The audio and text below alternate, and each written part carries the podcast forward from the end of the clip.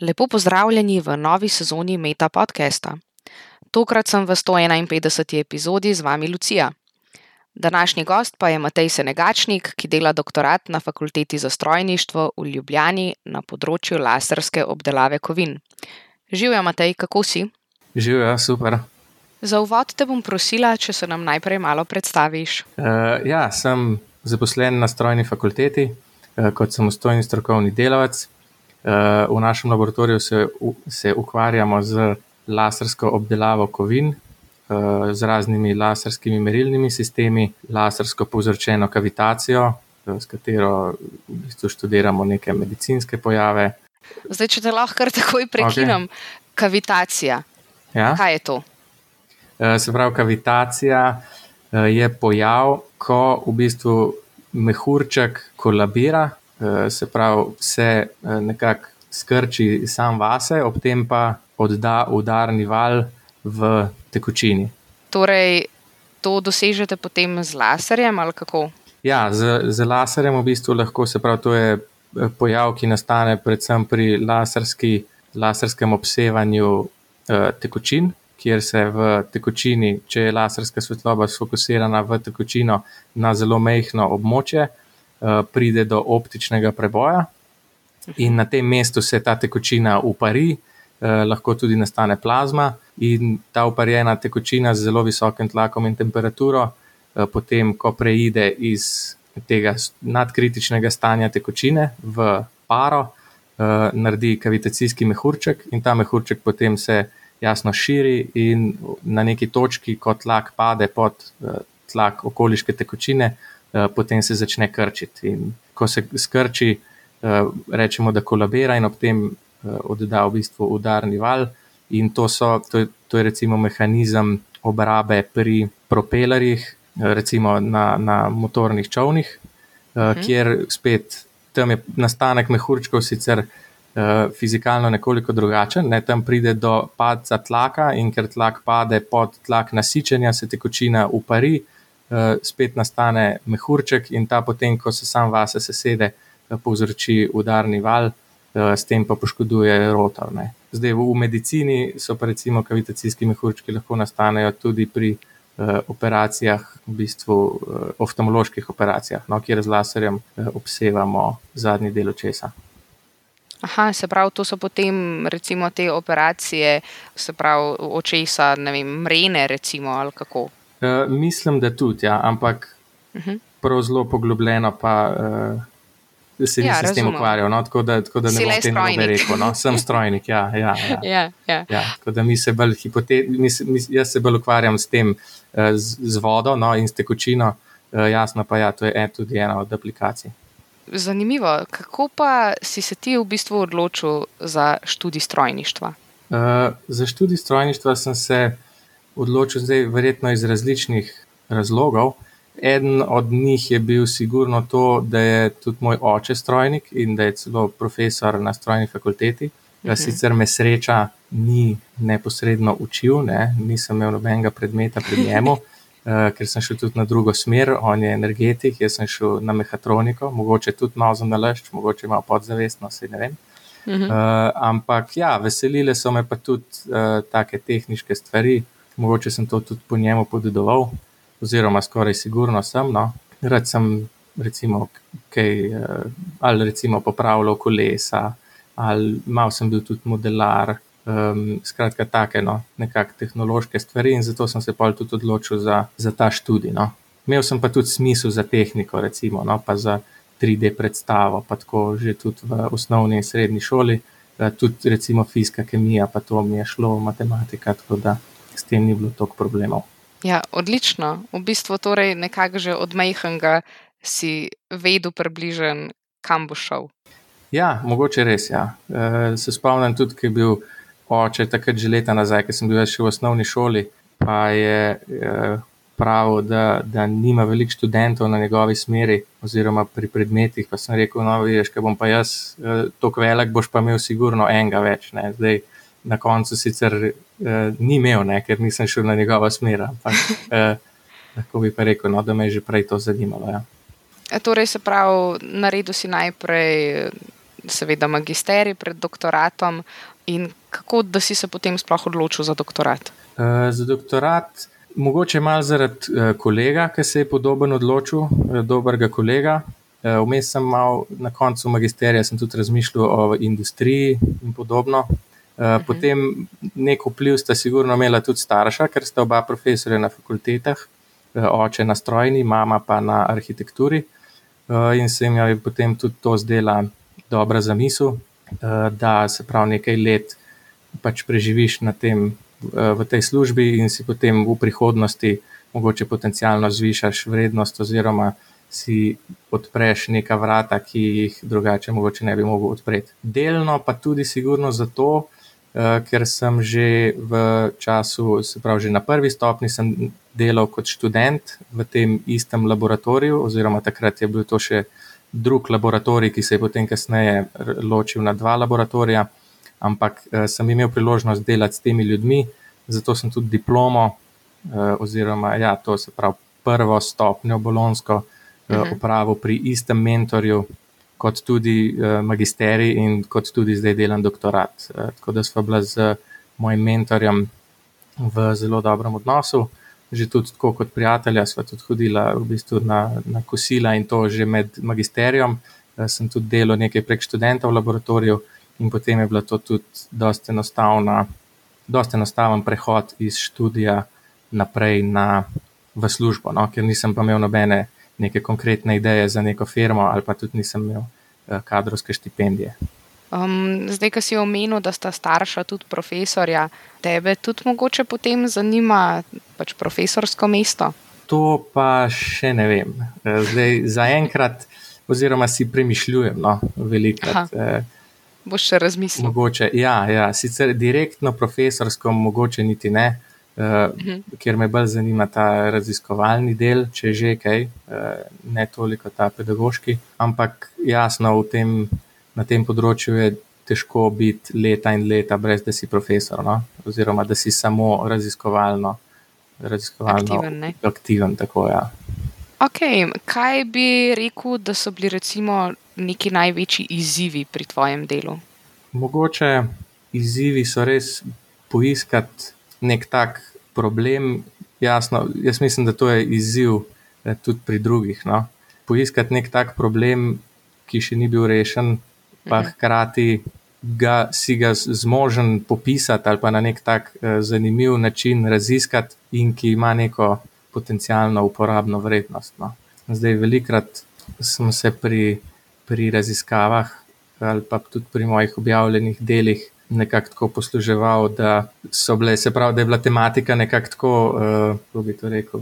Nekako sem se prepustil toku, no, da jim tako rečem. Je bila ena, recimo, ena od objav je bila uh, na temo laserske propulzije, kjer je v bistvu bila ideja od študenta, ki je delal neko raziskovalno nalogo, in potem, ker smo že to razvili, recimo eksperimentalni sistem uh, za, to, za ta eksperiment, smo pa eksperimente nekoliko nadgradili, tako da so bili nad nekim srednješolskim nivojem, nejasno, uh, in jih potem uh, objavili. Ne. Recimo, take objave se ne bi, ali pa raziskave se ne bi lotil iz nič, ampak ker je že bila uh, tako nekoliko postavljena, smo pa to nadaljevali. No. Ja, razumem. Ja. In imaš prav, absolutno vsi se tudi srečujemo z nekim takim izzivom, da um, v bistvu najdemo neko stvar, ki še ni bila raziskana. Ne. Kaj recimo bi rekel, da je cilj tvojega raziskovanja? Zdaj nekaj si že nakazal, kakšna bi bila recimo aplikacija, ne vem, tudi v medicini. Kaj recimo hočete še doseči s tem? Ja, zdaj se ukvarjam, se pravi, moja eh, doktorska tema je v bistvu laserska funkcionalizacija kovinskih površin eh, v različnih medijih, okoliških medijih. Ne. Se pravi, kar to pomeni, je eh, po domače povedano, da jaz z laserjem strukturiram eh, neke površine ne, v različnih pogojih, se pravi, ali je to v različnih plinih ali v različnih tekočinah, jih lasersko obsevam. In potem dobim jasno različne strukture. Ne? In te strukture, glede na njihove karakteristike, lahko popolnoma spremenijo funkcijo eh, te površine, ne? Eh, in zato se temu reče tudi laserska funkcionalizacija. Eh, in primer je, recimo, da lahko, zdaj nek tak čist banalen primer je, da z laserjem lahko povečaš hrapavost površine. potem lahko to se že uporablja. Ne? Zelo se uporablja tudi lasersko označevanje, ne? kjer z laserjem formiramo oziroma zgeneriramo neko oksidno plast na kovini in potem zaradi interference svetlobe na tej tanki plasti pride do obarvanja te površine. Ne. Eh, z laserjem lahko tudi spremenimo, oziroma ne samo lahko, ampak skoraj vedno spremenimo tudi kemijsko sestavo zgornje plasti površine. In prednost laserske obdelave je ravno ta, da je ta sprememba zelo lokalizirana, ne, se pravi, ker lahko laserski snop uh, zberemo v zelo, zelo mehko točko, uh, lahko zelo natančno določimo oziroma izberemo, kje bomo to obdelavo naredili in eh, s tem spremenimo tudi kemijsko strukturo ne, eh, površine. S tem lahko vplivamo na recimo omočljivost, da naredimo superhidrofilne, superhidrofobne površine, eh, ki recimo odbijajo vodo in imajo nek samočistilen efekt, kot je recimo lotosov list, ali pa so zelo hidrofilne. Ne.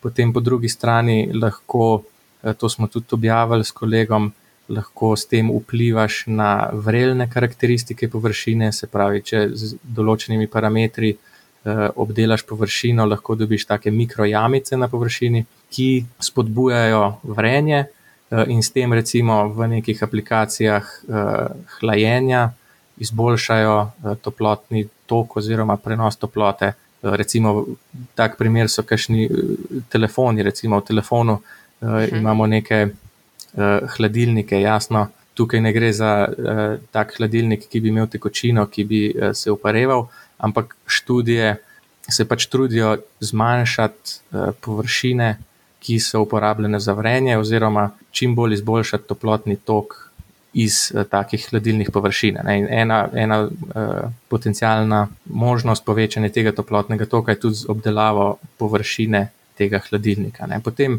eh, ena aplikacija z medicino je spet obdelava površine, da ji spet spremenimo hrapavost ali pa naredimo neke mikrokanale uh, za te biološke usadke. Uh, in lahko recimo ti z laserjem strukturiraš površino, narediš neko hrapavost, na katero se celice lažje primejo in se potem ta usadek lažje uraste uh, v človeško telo. Ne. Imate kakšne rezultate že mogoče na tem delu? Ja, ampak so, so, z, so zelo preliminarni. Oziroma na to, ja. koliko se celice primejo, uh, na to definitivno ima vpliv, ampak potem je problem, se pravi, to je ta uh, topografska sprememba, kjer mi Aha. spremenimo površino v topografskem smislu, ne, da naredimo te mikrokanale, ki so lahko ali dobri za celice, ali pa recimo, zdaj sem bil na konferenci eni v Franciji.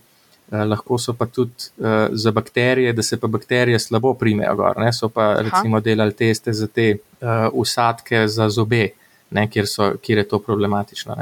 Da, ampak hoče se reči, da problem je pa pol ta kemijska sprememba, ki pa tvorijo te površine neke toksične okside, ne? ki pa potem negativno vplivajo na rast celic. No? Tako da to so pač zdaj zelo, nepre, zelo preliminarni uh, rezultati. Že v prejšnji epizodi je Zarja predstavila novost pri vprašanjih in tudi Matej je izbral danes nekaj novih vprašanj. Začnimo sicer s prvim, ki nam je že poznano.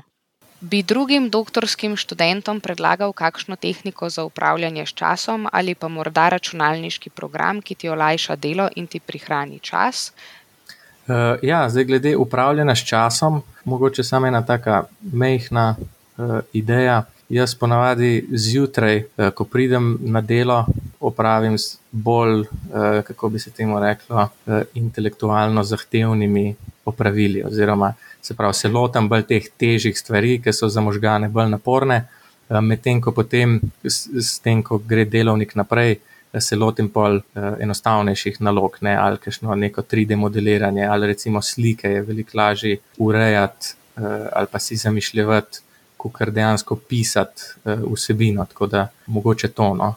Mhm. Torej, recimo zjutraj najprej začneš s pisanjem članka, potem pa delaš ostale stvari. Tako, tako, tako recimo, no, če se da. Sej, to je bolj uh, ideja in pravilo. No, bom priznal, se jo tudi ne poslužujem čisto vsak dan, uh, ampak mhm. probavam nekako tako zafilati čas, zaradi tega, ker se mi zdi, da 8 ur, pač vsaj jaz, mogoče kdo drug, uh, drugače, ampak 8 ur jaz recimo ne morem zbrano brati uh, nekih člankov, da bi jih prav bral, bral. Ne? Mogoče jih začnem brati, pa jih na začetku zelo dobro dojemam, potem se pa to.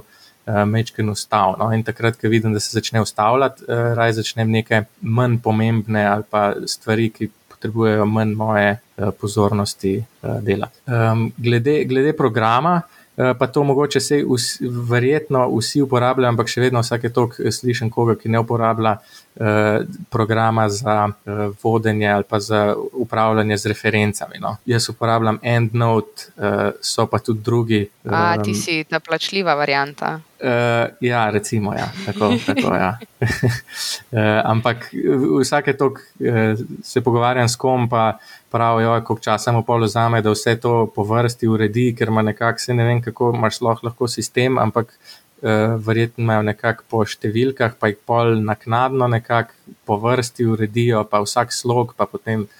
Uh, tako da to se mi zdi en tak program, no, ki ti zelo olajša. Se drugih niti nimam, no. imam čim manj programov. Predlogi za izboljšanje oziroma posodobitev doktorskega študija, kako bi ga aktualiziral? Um, ja, zdaj pri doktorskih študijih se mi zdi, da bi lahko um, večkrat zmanjšali število razpisanih mest, vsaj ali pa teh mest za mlade raziskovalce, pa jim večkrat povišali plače. No. Ker opažam, mm. vsaj pri nas imamo v bistvu relativen problem dobiti Eh, sploh dobiti ljudi, ki bi bili pripravljeni eh, za mladega raziskovalca eh, delati. Ne. Recimo v našem laboratoriju smo se to lani, moj mentor se je lani s tem matral in, in dejansko sploh nismo dobili slovenca, se ni noben od slovencev prijavil. Uh, tako da zdaj imamo uh, sodelovko iz uh, Pakistana. Ne. In jaz mislim, da je teh mest je v bistvu trenutno, vsaj mogoče na, na strojni fakulteti. No. Ampak mislim, da je tudi drugeno. Je, ne, je tudi drugeno, sigurno. Sej, načel si aktualno tematiko. Ja, ja, se mi zdi, da bi s tem lahko zvišali kvaliteto tistih, ki se odločijo za ta študij. Ne. Hkrati bi jim lahko pol povišali plačo ne, in bi, bil ta, bi, bi s tem povišali konkurenco in pa tudi. Mogoče pri, uh, pritegnili kvalitetnejše ljudi. No. Katera stvar ti je tekom doktorata prinesla največ veselja ali izpolnitve? Kaj je bil, recimo, highlight tvojega doktorskega študija? Ja, na tem mestu bi rekel, da highlight mojega študija je bila eh, v bistvu bilaterala, oziroma ja, bilateralno sodelovanje z Japonsko univerzo v Kyoto, uh, kjer smo v bistvu tekom dveh let, uh, so dvakrat Japonci prišli k nam v naš laboratorij, smo z njimi delali neke eksperimente, potem dvakrat sem pa tudi jaz tja odpotoval s svojim mentorjem. Um, in tam sem se v bistvu naučil nekako prvo kot prvo sam živeti. bil sem tudi že prej na izmenjavi, no, ampak je bila v Evropi. Ta je bila pa taka, no, v Aziji, sicer sem bil tam samo nekaj tednov, eh, ampak tudi sem se spoznal z nekakšnim, sem tam vodil eksperimente, ker sem bil na koncu eh, nekako najbolj izkušen, oziroma jaz sem bil edini doktorski študent, tam so mi pomagali magistrski študenti, tako da sem bil sam pol odgovoren tudi za obdelavo rezultatov in za objavo. In sem dobil recimo nek, nek občutek no, za, za to vodenje, plus to omejeno, omejen čas za eksperimente. No. To je zanimivo, recimo, ker tega v, v domačem okolju načeloma nimaš, če ne delaš z neko zelo drago opremo. Eh, tam si pa omejen, ne, kar, kar je v tistih parih tednih pridelaš, to lahko potem uporabiš tako da je neka posebna izkušnja. No. Kakšen je tvoj način za spopadanje s stresom in morebitno negotovostjo, ki pride med doktoratom? Ja, jaz se s tem spopadam večinoma z nekimi svojimi, kako jaz rečem, izvenšolskimi dejavnostmi. Kot inženir, jasno, rad delam kaj uporabnega. Ne? Tako da v prostem času, dost, uh, recimo, ali popravljam svoj avto, ne? ga še nisem imel pri mehaniku, pa čeprav. A to mazdico to Mazdo, ja, Mazdo svojo, pa tudi zdaj od, od uh, punce eh, Foresterja, ne, to so stari avti, tako da jih še lahko nekako sam popravljam. Ne. Ampak je vedno izziv, ne, ker jasno se bi lahko človek, oziroma človek misel, oh, se to je pa strojnik, to je pa lahko, ne, ampak uh, zdaj je študij strojništva tako širok, da dejansko strojniki večinoma ne znajo več popravljati svojih avtov. No. Tako da meni je to izziv in je tudi vsakič uh, nekaj novega, ampak vedno več se naučiš uh, in se s tem nekako dopolnjuješ. Ja. Super. To je nekaj, kar bi tudi jaz rada drugače znala. Da, evo, ja, ja dobiš, no, tako, tako, dobiš, dobiš neko. Um, tako, samostojnost no, s tem, ker nisi pol več odvisen. Tudi lahko greš recimo del z, uh, z avtom. Letos smo šli recimo s punco uh, do Nordkapa z avtom in se je tudi vmes ne, ne par stvari pokvarjala, ampak sva vse uspela sama no, popraviti na poti. Tako da je, je dober skill, če ga imaš. Če bi lahko bodoči doktorantki ali doktorantu dal en nasvet, ki si želiš, da bi ga prejel sam, kakšen bi bil? Ja, jaz bi predlagal, da se vključujejo na konference in na razne te mednarodne, se pravi, da sodelujejo mednarodno. No, tako, ker sem imel jaz priložnost sodelovati na japonskem, eh, pa tudi sem šel na eh, več drugih mednarodnih konferenc.